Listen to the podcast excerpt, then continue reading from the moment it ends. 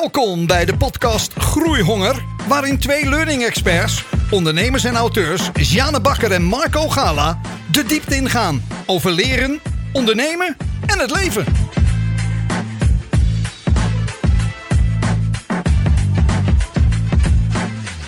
Fijn dat je weer luistert naar Groeihonger. Marco en ik zitten er helemaal klaar voor. En vandaag willen we je meenemen in ja, iets heel gaafs wat wij hebben meegemaakt. Yes. Ehm, in de vorige podcast hebben we het gehad over dat groeihonger. Als je dat helemaal plat slaat, dat dat eigenlijk altijd is dat je kiest wie je wilt zijn en hoe je ergens wil zijn.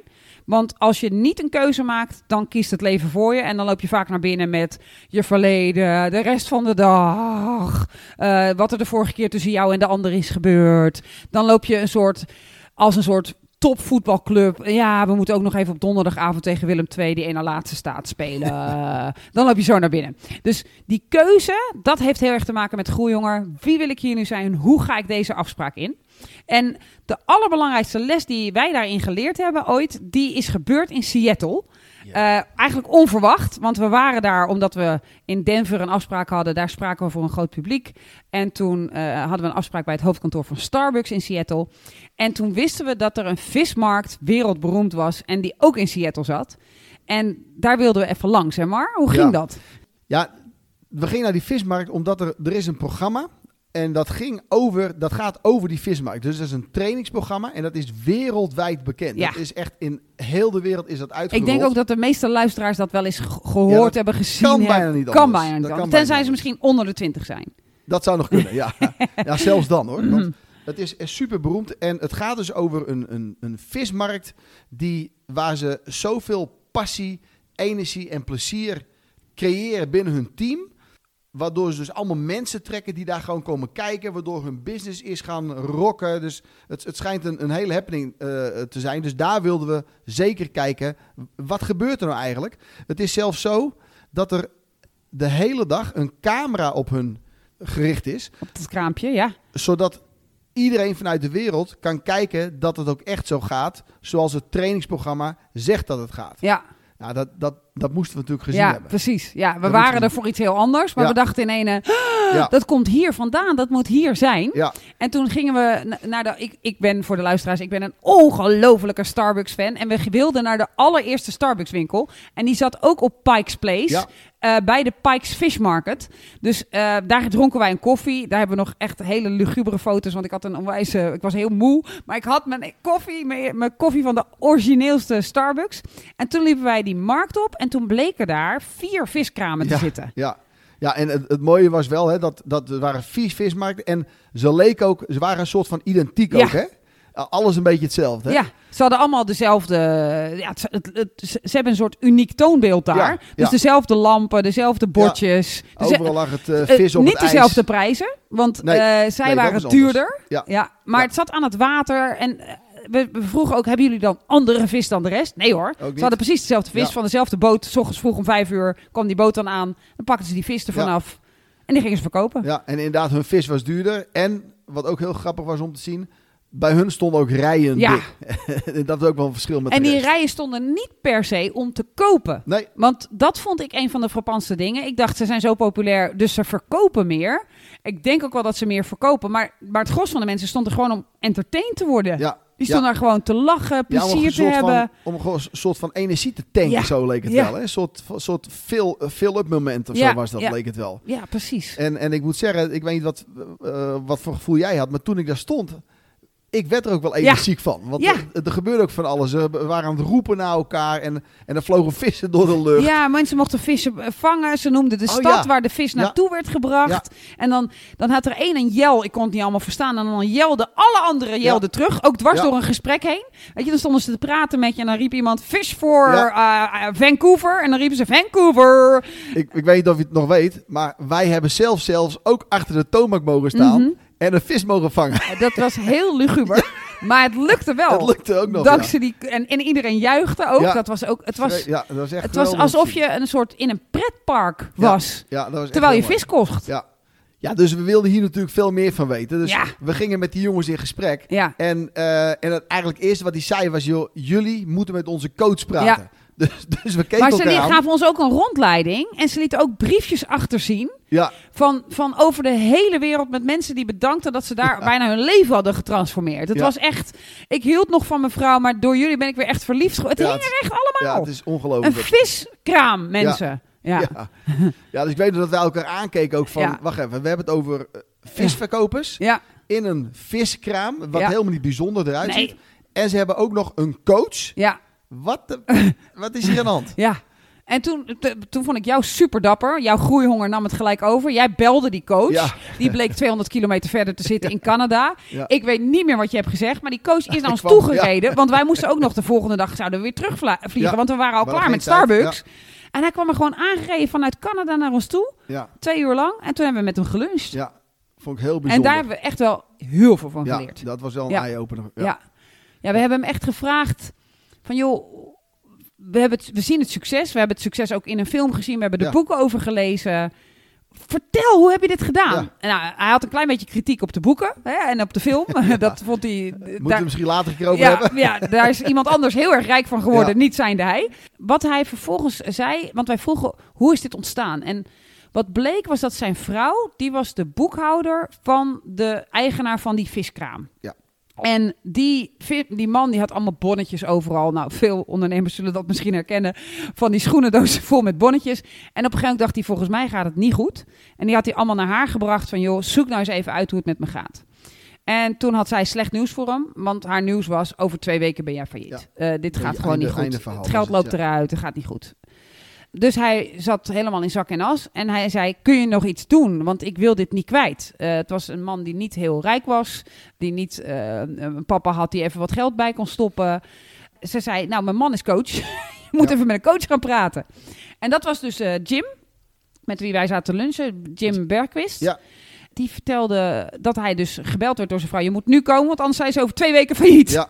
Dus zij zijn, nadat ze al het ijs en alle vis en alle schubben hadden schoongespoten op straat, zijn ze op een kratje bij elkaar gaan zitten. En toen heeft hij hun gevraagd, ja, oké, je hebt nog maar twee weken. En daar leerden we echt van, er was dus serieuze pijn. Ja.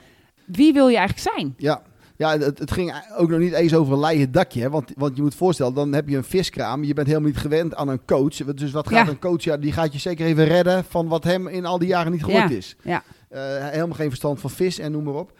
Eh, dus ik weet ook dat Jim Bergquist, die vertelde ons ook op dat moment, dat hij het in het begin zelfs gratis heeft gedaan. hè? Want, het ja, want voor hij wist dat er geen geld was. Ja, dus ja. ik kom jullie wel helpen, en maar voor gratis. een soort, Ja. eh, oké, dan, dan doe ik in ieder geval iets voor die mensen. En, eh, Ik, Dus ik woon toch in. Seattle, dan doe ik iets voor onze community. Ja, Ja, en inderdaad, eh, wij waren heel nieuwsgierig naar, maar, maar wat heb je nou hier gedaan? Want ja. eh, het is niet de makkelijkste klus, lijkt me.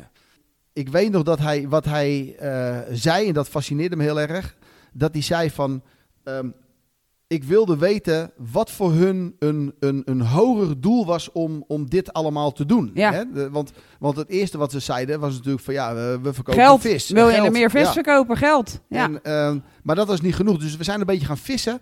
En, ehm, en, Vissen. Ja. goed zo. En eh, op een gegeven moment riep iemand: Het lijkt mij gewoon heel gaaf om wereldberoemd te worden. Ja. En, een van die vismensen, Ja. jongens. Ja. en het was een soort, soort intuïtief eh, een roep van die man.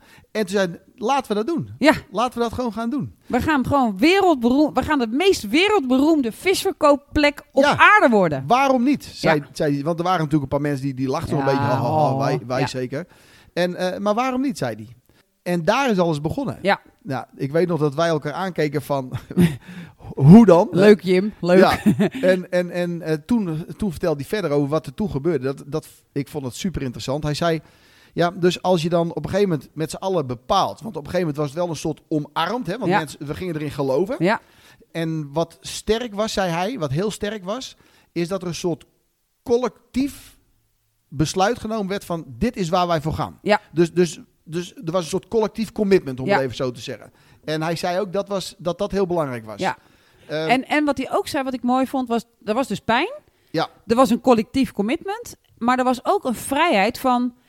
We hebben niks meer te verliezen. Want Ja. eigenlijk zijn we al bijna failliet. Ja. Dus laten we dan deze twee Ja. weken motherfucking wereldberoemd gaan zijn. Ja. Ja, die energie die voelde je ook bij hem toen ja, hij dat uitsprak. Ja. ja. Terwijl het echt een droge, Oh. beetje saaie man was. Ja. Maar toen hij dat het sparkelde helemaal Ja, bij hem. ja, Ja, ja. ja. Ja, dus dat is wel heel gaaf wat hij zei. En, en, en vervolgens zei hij ook, ehm, en dat vond ik ook wel een hele mooie, en dit is ook, ook wat we in onze podcast heel vaak aan hebben gehaald. Maar hier kreeg je het voorbeeld. Hij zei van, als je dan hebt bepaald dat je wereldberoemd wil worden, hè, of wat jouw visie ook maar is, dan gaat het erom dat je dus elke dag voor jezelf ook bepaalt, wie moet ik zijn ja. Om wereldberoemd te kunnen zijn? ja. Dus, dus welk... Als stel dat ik nu al, hij zei ook een soort stel dat ik nu al wereldberoemd ben. Ja, dat zei hij, ja. Hoe, hoe zou ik me dan nu gedragen Ja. als deze klant naar me toe komt en begint over Ja. een tonijn? Ja. En wat er dus loskwam bij die mannen was. Deze tonijn is wereldberoemd. Hij is daar en daar gevangen. Hij is dit en dat. En ze gingen de Ja. Namen geven. Ze gingen ermee spelen. Ze gingen hem overgooien naar elkaar. Door En die dat inspira- ontstond dus, hè, Ja. gewoon. Hè? Dat ontstond Dat, doordat ze bedachten niet, we gaan gooien. Nee, nee. Het was geen, er was geen draaiboek. Het was Nee. gewoon van, oké, iedereen bepaalde voor zichzelf wie moet ik zijn om dat Ja, te kunnen nastreven. Ja. En, dan, en toen ontstonden de dingen, zoals het gooien, zoals het roepen. ja, En, en die hele, dat hele speelse effect wat ze kregen. En, en, en toen ontstond ook die energie, hè, zei Ja. Ja, want, want stel je even voor, ik werd dus angstig en wel op een hele glibberige achter een toonbank gezet. En toen zeiden ze, hou je handen precies zo. Dan gooit, gooit iemand daar zo een, een vis in. Ik begreep de naam van de vis niet eens, maar het was een hele grote bleek. En ik ving hem en ik gaf hem heel geschokt. "Ah!" Zo. En iedereen klapte. Ja. Ik gaf hem af. En toen draaide hij die vis zo, zodat die staart omhoog kwam. Of ik even een high five aan die vis wou geven. ik voelde me een wereldster. Dus wat ze niet alleen doen, is zelf zijn. Wij zijn wereldberoemd. Maar ook nog zijn, jij bent bij wereldberoemde mensen. Dus jij bent het nu ook. Ja. En dat gevoel brachten ze over. Ja, en het mooie wat ik hier aan vond, want ik weet nog dat ik, dat ik toen ik dat hoorde, dacht ik van ja, dit is natuurlijk te mooi om waar te zijn. Ja. Hè? En ik weet nog dat ik, want ik dacht meteen ook aan van oké, maar wat zouden we dit ook kunnen doen bij andere organisaties, hè, bij andere teams? Ehm, en toen, zei, toen vroeg ik ook aan hem van, joh, eh, wat maar, is, dit zijn gewone mensen. Dus ik Ja. kan me voorstellen, wij werken met mensen, dus bij mensen, eh, ik kan me voorstellen dat ze, een- dat ze enthousiast zijn hierover. Maar om dit elke dag te doen, Ja. en jullie doen het al een aantal jaar. eh, Twintig jaar toen. Al twintig Ja. jaar. Ja. Weet je, hoe hou je dit vol? Het zijn geen robots. Het, het, het- het Sterker zijn nog, het zijn minder opgeleide mensen. En als ze al een opleiding hadden, eh, was dat een praktische opleiding. En eh, er was ook iemand die uit de drugsverslaving kwam, die daar ook Ja. de sterren van de hemel, Ja. wereldberoemd Ja. vis verkocht. Dus, dus het waren mensen die, een, een heel aantal daarvan, die stonden met 3-0 achter toen ze geboren werden. Op de plek waar ze geboren werden, met de rijkdom, het gebrek aan rijkdom, met de verslavingen in hun omgeving. En die stonden daar. En het, ja, ja, ik kan Ja. er bijna niet over uitgesproken raken. Eh, Je, voel, het, je had het gevoel alsof je met John Bon Jovi Ja. stond te praten. Ja. Echt zo'n zekerheid, zo'n serene rust en zo'n trots. Ja, en ik weet nog, zijn antwoord was, was toen van... eh, ja, hij zei, en, en hier komt dat collectieve commitment weer Mm. terug. Want dat heb je hier nodig. Want door het collectieve commitment... eh, staat iedereen een soort open om gecoacht te worden... en ook om elkaar te coachen.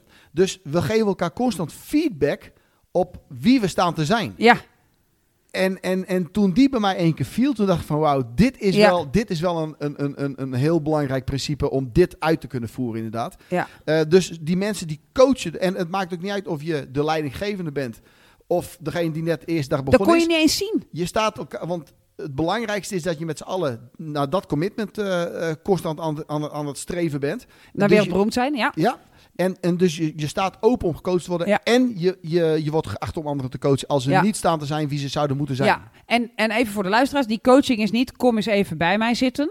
Nee, Eh, ja. Ik wil graag op jou reflecteren. Ik heb een tip en een top. Ja. Nee, die coaching die zit hem echt in het levend houden met elkaar. Ja. Ze hadden een aantal van die yells, hè, dus dan, dan wisten ze of een locatie of iets anders. En als iemand piep, piep riep, dat was een bijnaam voor een vis, dan riep iedereen terug, piep, piep. Ehm, dus dus het, de yells naar elkaar, maar ook de aandacht voor elkaar, maar ook soms even meelopen. hey, hoe is het met je? Want volgens mij zit je er niet lekker in. En dan gaat het dus ook over je vrouw, je kinderen, al die dingen. Dat deden ze ook allemaal met elkaar. Niet vanuit een ik ben je coach, maar vanuit een zorgzaamheid eigenlijk. Ja. En, en ook vanuit een verantwoordelijkheid. Als wij dus wereldberoemd zijn, dan gaan we dus ook zo met elkaar om. Ja.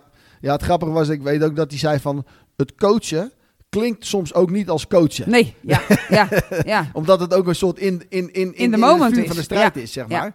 Dus, dus soms komt er even anders uit. Maar iedereen weet waar het voor is en waar we met z'n allen voor gaan. Ja, en wat het mooiste ook nog is, is... Het is ze gelukt. Ze Ja. zijn de meest wereldberoemde vismarkt ter Ja. wereld. Als je zoekt op Fish Market Famous... dan kom je bij Seattle uit. Ja. En dan kom je bij die camera uit en dan zie je ze het doen. En Ja. voor al onze luisteraars, als je groeihonger hebt... en je wil geïnspireerd raken, ga daarheen. Want wat je daar voelt, dat is fantastisch. Want wat het voor mij het, de allermooiste les eruit was. Want ik probeer in mijn leven groeihonger te laten zien en te Ja. kiezen. En voordat ik thuis kom, probeer ik te denken: oh ja, niet de hele dag meenemen, maar echt even hier zijn. Dit zijn mensen die zijn veel armer en met minder kansen geboren dan ik. Eh, die werken in een afschuwelijk zware baan. Het is fysiek super zwaar. Ze moeten om vier uur op, om vijf uur staan ze klaar. Gaan ze ijs scheppen, gaan ze schubben. Eh, die vissen hebben allemaal tanden, kou. Eh, ze lopen in een soort oranje overal die altijd vies is. Ja. Ze stinken een uur in Ja. de wind. Ja.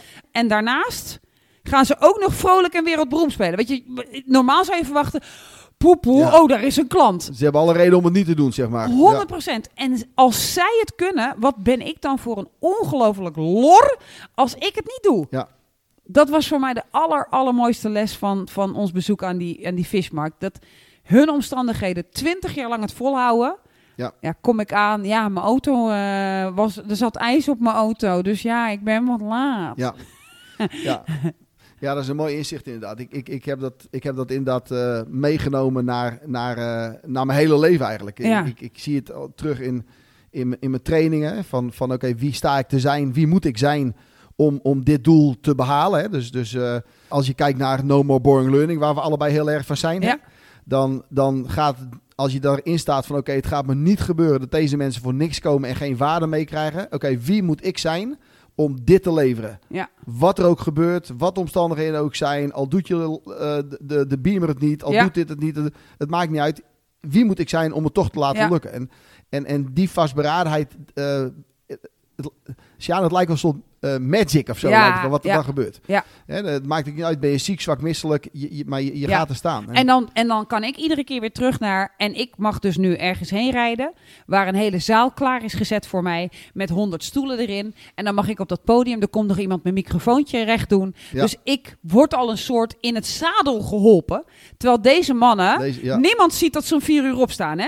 En niemand ziet dat ze om vijf uur al ijs scheppen. En niemand ziet dat dat ijs in hun handen snijdt. Waardoor Precies. ze echt van die handen hebben die je, nou ja, die je niet op je lijf wil hebben. Ja.